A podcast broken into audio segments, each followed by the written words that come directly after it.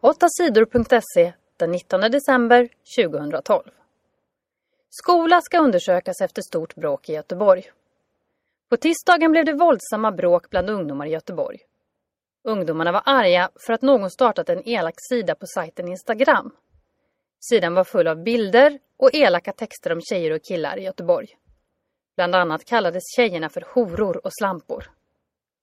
På internet skrev många att det var en 17-årig flicka på Plusgymnasiet i Göteborg som startat sidan.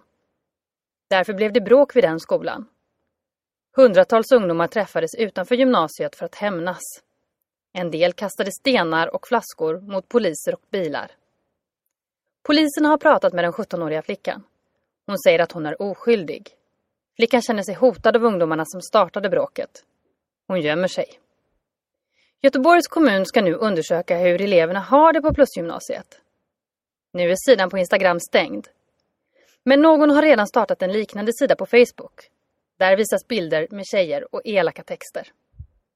Också i Ulricehamn har unga flickor hamnat på Instagram utan att veta om det. Ät inte ål. Vissa sorters fiskar riskerar att försvinna från haven och sjöarna om vi fortsätter äta dem. Det säger experter som jobbar på Världsnaturfonden. Nu säger de att vi ska sluta äta ål. Ål är en fisk som brukar finnas på de svenska julborden. Vi ska inte heller äta lax från Östersjön, marulk eller blåfenad tonfisk. Men vissa fiskar som varit hotade förut kan vi börja äta igen. Odlad hajmal ska få börja säljas i Sverige igen i januari.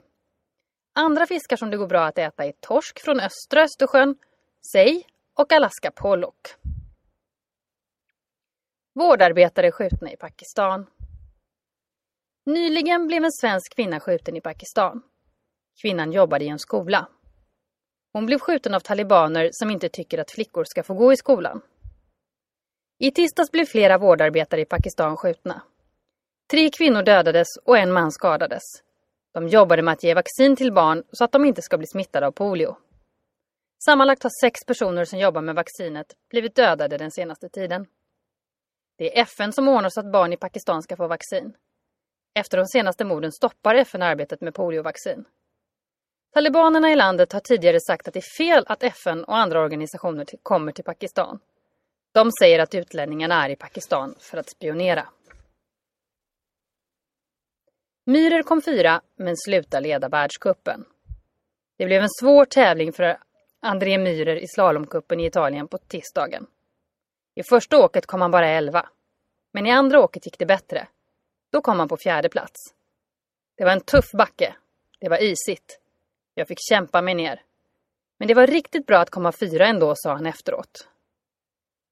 Marcel Hirscher från Österrike vann tävlingen. Han leder nu slalomkuppen totalt. André Myhrer ligger tvåa.